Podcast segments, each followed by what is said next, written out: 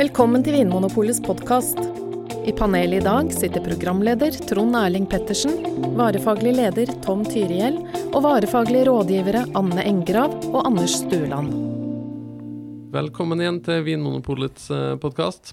I dag, eh, Anders, Tom og Anne, så eh, skal vi snakke om et tema som jeg nettopp eh, leste om på en norsk mat- og drikkeblogg. Og Der sto det litt sånn i motespråk at i 2017 skal vinen være oransje. så i dag skal vi snakke om oransjevin. Mm. Tom, kan du prøve å forklare meg hva oransjevin er for noe? Ja, den er ikke hvit. Og den er ikke rød. og det er også litt greia, for det er en sånn mellomting. At det er uh, hvitvin laget på rødvinsmåten. Okay. Så det vil si at du får lov til at den, uh, den druesaften som presses ut, den får uh, ligge og trekke ut smak og aroma, og ikke minst farge fra skallene. Mm. Så du får en dypere gul mot oransje, gyllen farge på den. Ja. Er det, er det rosévinens onde fetter? ja, eller, eller gode fetter. Eller inter interessante fetter. det er Kanskje kusine. ja, Anne, hvordan smaker en oransje oransjevin? Um, den smaker, For det første så har den jo litt tannin, sånn som rødvin har. At det snerper litt i munnen. Mm. Det er jo en ting som er ganske forskjellig fra hvitvin. Mm. Eh, og så har den gjerne smak av mer sånn eh, Kan minne litt om sånn eplesider. Sånn der eh, Altså sånn ekte eplesider, på en måte. Ikke sånn ja. brus, men mm. eh, Altså litt sånn nøtt og kanskje harpiks eller kvae kan det minne om. Urter. ja. Ganske mange sånn ikke så fruktige Mm. aromaer, da. Ikke så umiddelbar fersk og fruktig som mange Nei. hvitviner kan være, f.eks.? Nei, men ofte veldig sånn nyanserte blomster og aprikos Mm. også, da. Mm. Det kan være veldig godt. Og litt Ja. sånn sopp og løv og sånne høstlige ting også. Mm. kanskje. Så, Skink. Rosévinens høstlige fetter, kan vi kanskje kalle det. Mm. Men Anders, det, det er vel ikke bare liksom én type oransjevin? Det fins litt sånn stiler og et spekter her? Ja, fordi det, eh, selvfølgelig hva slags type drue du bruker, vil jo ha noe å si. Men Mm. ikke minst det hvor, hvor lenge du lar skallet ligge med og liksom trekke i, i mosten, Mm. har, har mye å si. At du får mer smak og mer snerp jo lenger du lar drueskallet ligge Ja, sammen Så da kan man dra dra den safta. der teposeanalogien. At det er Mm. jo lenger du lar teposen ligge i vannet, jo kraftigere og mørkere og mer snerpende blir teen. Og sånn er det også da med når du lager oransjevin. Ja. Jo lenger du lar skall ligge i mosten, jo lenger, altså mer Mm. farge og tannin får det. Mer snerp. Så det fins oransjevin som er liksom ganske nærme hvitvin, der kanskje skallet ikke har vært med så Mm. lenge. Ja. Mm. Og noen som er snerper like mye som en eh, For de som da kjenner til eh, sånn Barollo og Barbaresco, også disse rødvinstypene fra Nord-Italia, som er kjent for å snerpe mye. Så Ja. De kan snerpe så mye, altså. Det høres jo ganske uvant ut, eh, Tom, med liksom noe som ser ut nesten som en hvitvin, eller som er litt sånn lys og gyllen, og som snerper ordentlig. Er det, er det, er smaken uvant òg, for noen som er vant til å drikke vanlig hvitvin og rødvin?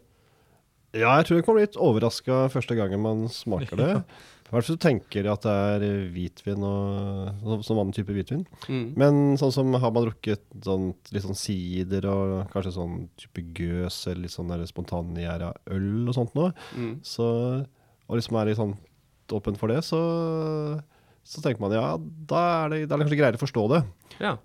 Og man, man, liksom, man må litt det der vinbegrepet, kanskje, sånn for å tenke at OK, dette er vin, dette her også. Fordi det er, eh, det er jo ting der som man tenker jøss, er, er dette helt riktig? sånn sett? Skal, skal det lukte og smake sånn? Mm. Eh, men klarer du liksom på en måte å heve det over den fordommen, og hvis ikke det er andre feil med vinen, så, så er det jo en De også veldig ja, interessante, komplekse, sammensatte Mm. viner. Så det er mye, mye god og spennende smak der. Men da må Ja. du være klar for det. Jeg vil tenke, hvis, La oss si du bare hadde drukket hvitvin hele livet ditt. Mm. Du visste ikke at det fantes noe som het rødvin. Mm. Mm. Og så plutselig så drar du på besøk til noen, og så får du satt et glass foran deg med Her skal du få et glass vin, og så forventer du hvitvin, og så er den rød. Men i tillegg så snerper den. Ja. Altså, alle syns at rødvin er helt normalt nå, men altså, hvis du kan sette deg i den situasjonen der, litt sånn blir det jo. Ja, det, ja, for da blir du overraska, for det er ganske stor forskjell på en hvitvin og en rødvin med masse snerp og mer smak. Og, ja. Mm. Jeg hadde en lignende opplevelse. Jeg skulle var på hotell. skulle jeg ta et glass med appelsinjuice. Det jeg var veldig tørst, jeg skulle bare skylle det ned. Og så var det grapefruktjuice. og det sjokket oh, ja. gjorde at jeg tenkte at dette her er vondt. Men Ja. det var jo en god grapefruktjuice. Ja. ja. Og en gang jeg husker at når jeg var liten, så, eh, så jeg snek jeg meg inn på kjøkkenet, og der sto det inni kjøleskapet eh, noe som jeg trodde var sjokoladepudding. Men det var brun saus. Ja. Det også ble helt feil. da. Ja, det er noe sånn. Ja, Det har noe med forventninger å gjøre. Mm. Eh, og Anne, du har vært på tur for ikke så lenge siden til Mm. et område der man lager oransjevin. Og da tenkte jeg at du straks skal få lov til å ta med oss på en liten eh, reise dit. Oh, la la.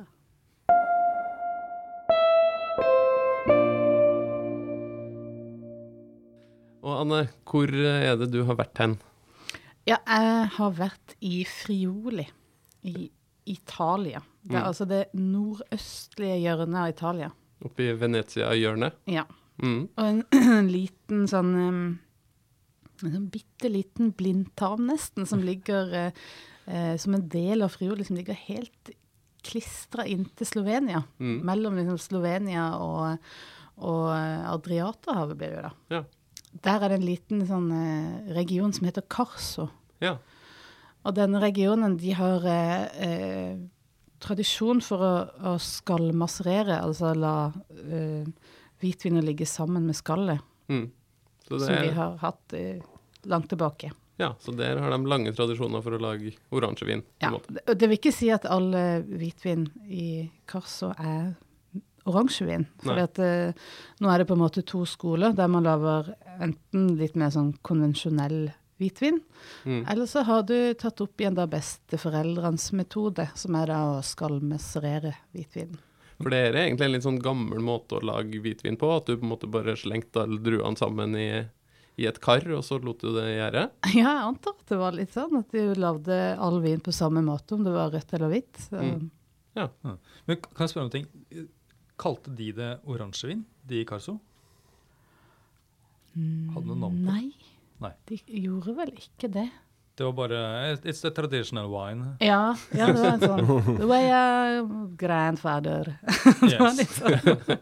Men det var ganske kontroversielt der, da. At det var Det var enten så syns du at dette var å gå tilbake til røttene av den liksom, tradisjonen, eller så var det noen som mente at det var å ødelegge det som naturgitte forholdene da, som, som fantes i, i regionen. At du skulle ta vekk skallet tidligere, da.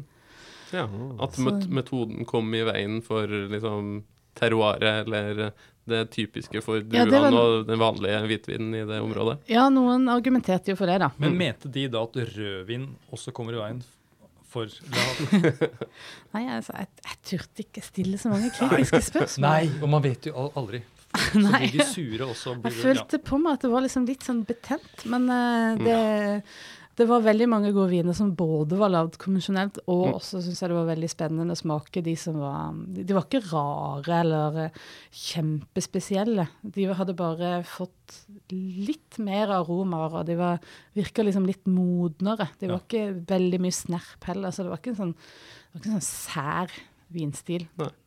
Hvilke druer var det de brukte eh, der i Italia? Ja, de hadde Akkurat der så var det ganske mange forskjellige de hadde muligheter til å lage hvitviner, men eh, spesielt Malvasia, da. Mm. eh, var, som jeg smakte som var veldig Ja. godt som skallmasserert. Mm. Som har en litt sånn blomsteraktig, veldig aromatisk, uh, uansett hvordan man lager den egentlig. Sånn. Mm. Som hadde beholdt mye av det også når du hadde tatt med skallaroma. da. Mm. Tom, er det andre vinområder i verden som er måte kjent for, eller har tradisjon for å lage vin på den måten her? Uh, I hvert fall i Italia så er det også, vet jeg, eh, fra Emilia Romagna. Dette området som ligger rundt eh, Parma, hvor du lager jo en ganske Mm. kjent uh, skinke. Og ost. Oransjevin og skinke, og ost også, ja. Det, Mm. det passer jo veldig bra sammen. Uh, og parmesan og oransjevin også matcher Mm. bra. Ja. Eh, har jo også hatt sett noen oransjevin fra USA har det vært nå. Det Mm. Chile har vel laget sine. Eh, Sør-Afrika. Og så må vi ikke glemme selve startlandet, Georgia. Ja. Urvinen Ja. fra Georgia Den ble lagd på den måten her i eh, sånne krukker som er gravd under jorda. Ja, Mm. de har sannsynligvis laget de første oransjevinene. Mm. Ja. Slovenia, da? Ja, Anne, du var jo inne på Mm. at eh, Karso ligger i nærheten av Slovenia. Ja. Og det, Ja, det var nok mye sånn kulturelt eh, slektskap mellom Karso og Slovenia, også når det gjaldt mm. vinproduksjon. Et sånt oransjevinbelte. Men Anders, Ja. eh, er det andre druer man kan bruke enn Malvasia, som Anne var innom? Kan man i prinsippet bruke Du kan bruke alle slags grønne druer. mm. Men det er klart, mange bruker jo druetyper som er liksom tradisjonelle druer fra disse tradisjonelle oransjevinområdene, men det er ikke noe veien for at altså Jeg har vært borti produsenter i Tyskland som lager det på Riesling f.eks. Mm.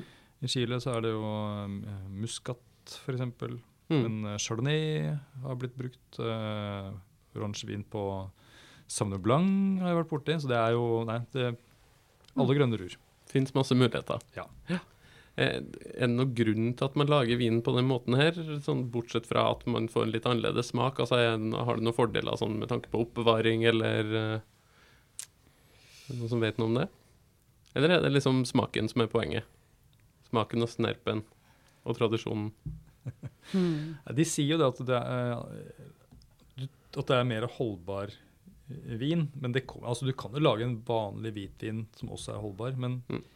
eh, de mener at du kan Du bør ikke tilsette like mye svovel, f.eks. Mm. Um, og at vinen er mer stabil. At den endrer seg i mindre grad når den er topp på flaske. Mm.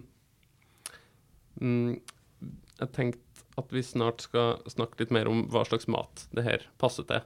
Men um, vi var jo inne på at det her er liksom ikke er noen sånn offisiell betegnelse med øh, oransjevin. Det, det er en litt sånn kategori på sida. er liksom ikke hører vanligvis ikke til under hvitvin. Men hvis man skal finne det på Vinmonopolet, kan jeg da liksom gå inn hos det og søke etter oransjevin, Tom, eller velge gi meg alle oransjevinene som finnes på Vinmonopolet?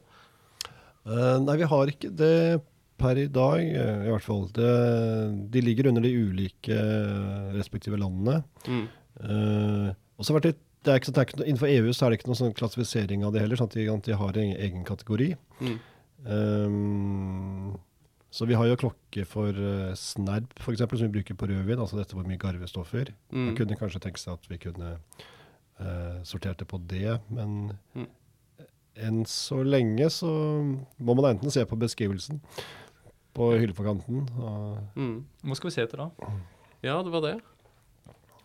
Farge oransje. Farge oransje. Men det henger kanskje litt sammen med at det finnes så mange ulike nivåer her, holdt jeg på å si. At Ja. eh, hvis en hvitvin har hatt bare litt grann kontakt med drueskallet, så er det på en måte fortsatt en hvitvin. Ja. Eh, og så finnes det helt andre delen av spekteret. Altså det, det er så mange ulike nivåer av oransjevinhet, for å bruke et eh, helt nytt ord, at det er Ja. vanskelig å kategorisere dem. Jeg Får nesten, at- får nesten bare gå og spørre på polet, da. Ja, det, det tenker jeg er det beste, beste rådet, egentlig. Mm. Spør mm. i den butikken du er. De tidligste sporene av vinproduksjon på jordkloden stammer fra Georgia og er 8000 år gamle. Også i dag lages det vin på den tradisjonelle måten i landet ved Svartehavet, av både grønne og blå druer. Druene knuses lett og legges i kvevri, som er store leirkrukker gravd ned i jorda. I disse amforaene gjæres og modnes vinen med alt som følger med fra druene. Saft, steiner, stilker og skall. Hvitvin som lages på denne måten får mindre fersk fruktighet, men desto mer snerp og dype, komplekse smaker. De georgiske kvevrikrukkene og kunsten å lage vin i dem står nå på Unescos verdensarvliste. Men tror dere at eh, oransjevin bare er et, eh, at det er bare et blaff? Et oransje blaff i vinverden? Eller, eh, eller kommer det til å fortsette? Blir det mer av det, eller hva? Jeg har sett at noen liksom hevder at det er en sånn der eh, trendy Ja, en trend som er, kommer til å dø ut, og at det er en sånn løkka-greie. Mm. Men jeg, jeg tror ikke det, i og med at det allerede er sånne lange tradisjoner, at det er et, et produkt som på en måte man kan prøve ut. Altså det er jo en metode som man kan, eh, ikke er helt ferdig med å utforske. Ja, det er en, en, en gammeldags måte å lage vin på. Det blir nesten som vinens svar på bunad. Ja, og bu, bunad er ikke et blaff. Nei, det er jo ikke et blaff, det men det er jo ikke, folk går jo ikke med bunad sånn i tide og utide. Eh, Ja, men det er- det er den vil allikevel ikke bli borte. Men det er ganske Vinens bunad. Men det er kanskje Det er ganske dyr og litt sånn forseggjort bunad også, fordi de er jo litt dyrere enn de andre hvitviner også, som regel. Så jeg det er en kostbar måte å lage det på. Du måtte produsere det også i mindre skala, det tar lengre tid. Ja. Så det om det finnes, skal vi si, det, det er ikke noe sånn snarveier her, og det å finne et stort nok marked til å betale 200 pluss for hvitvin også, tror jeg også begrenser det. Og så er det en vintype som har skapt litt kontroverser. Ja. Og det er et, eh, jo, det er jo det. ja. Og det, jeg, jeg syns jo det er litt moro. Mm. Eh, Men har det skapt kontroverser fordi det smaker annerledes, eller fordi eh, Det også. Det også, tror jeg. Men jeg tror at det henger litt sammen med eh, hvilke vinprodusenter eller det miljøet som, som liker eller lager oransjevin. mm. At de eh, liksom tar avstand til andre deler av, eh, av, av vinbransjen, kanskje. Litt som naturvin, at eh, vi, lager Ja. vin som ikke er som dem der borte, som Ja. lager Vi lager den originale vinen, og Mm. holder dere på med de moderne greiene. Men vi Mm. holder på med det sånn som det skal være. Altså, Mm. Det blir litt sånn, men jeg tenker at det er jo en Så lenge det ikke bare blir krangling, så kan det være en, en fin drivkraft, det også. mm. eh, Som gjør at det, ja, vinverden etter hvert blir rikere, da. Ja. Det høres ut som en veldig spennende vintype, i hvert fall den her vinens bunad. Så nå skal vi Det med mat, da. Ja, det Ja. var det jeg tenkte. At nå eh, skal vi hive oss over matfatet og høre hva eh, oransjevin passer til.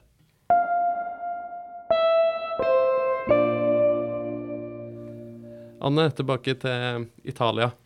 Hva slags type mat eh, fikk du servert ved siden av oransjevinene når du var i Carso? Tja, nå prøvde faktisk ikke så mye eh, akkurat Men det jeg vet, de hadde jo en sånn god skinke der, San Daniele, som minner veldig om Parma. Mm. Og det funker veldig godt sammen. Ja. Eh, Spekeskinke. spekeskinke. Mm. Og også, som Tom var inne på, litt sånn harde oster, faste oster, som eh, eh, pecorino eller parmesan og sånne ting. Mm. Eh, vi har hatt noen prøvinger her som har vist at pinnekjøtt, Mm. det var en sånn ah, Oransjevin og pinnekjøtt. En av de der overraskelsene som bare, det, som bare var veldig godt. Ja. Ja. Det var vi enstemmig enstemmig Mm. Det var eh, mariage. Det var mariage. Så hvis, eh, hvis du vil sjokkere på eh, julaften, da er det Ja. pinnekjøtt og oransjevin. Ja, den er litt, litt sånn. Mm. Mm. Tom, er det noen andre gode kombinasjoner du kan tipse om nå mot slutten av episoden? Risotto så er det veldig godt til. Mm. Uh, men også sånne enklere sånn kyllingretter, så lenge du har noen sånn tilbehør som er litt sånn sopp og epleaktige, litt sånn innkokte ting. Ja. I hele tatt så er det veldig sånn allsidig matvin, og kanskje mange syns den er litt bedre med mat også, fordi vin smaker så mye, så jeg mm. at da er det greit å ha den sammen med mat. Men eh, Mm. jeg kan også godt sitte bare og ta den uten mat, eller til nøtter og litt ost og skjenke, som vi har vært inne på. Mm. Ja. Og fet fisk, makrell. Uh. ja. Vær så god, Anders. Du er opp med hånda her. Blåskjell. Åh, Ja. med noe sånn spesiell, spesielle krydder, eller noe, Ja, vi noe vi kan eh, gifte vinen Ja, med her? Vi prøvde bare med sånn uh, vanlig eh, med persille og hvitløk og sånt, men jeg tenker også hvis det er det fløte eller safran altså det, ja. Ja. Eller litt uh, oransjevin i gryta. Mm. Mm. Ja. Da blir det et lykkelig ekteskap. Mm. Nei, men det er bra. Da har vi tatt for oss vinens bunad, som vi har lært i dag at det er.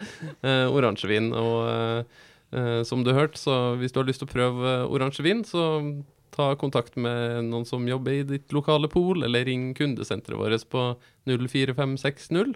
Eller eh, hiv deg over eh, internett og søk etter oransjevin, så finner du nok noen gode tips der ute. Takk for at du hører på Vinmonopolets podkast. Har du forslag til et tema i podkasten? Send mail til podkast at vinmonopolet.no. I tillegg svarer kundesenteret deg på e-post, chat og telefon. Ring 04560 eller besøk vinmonopolet.no.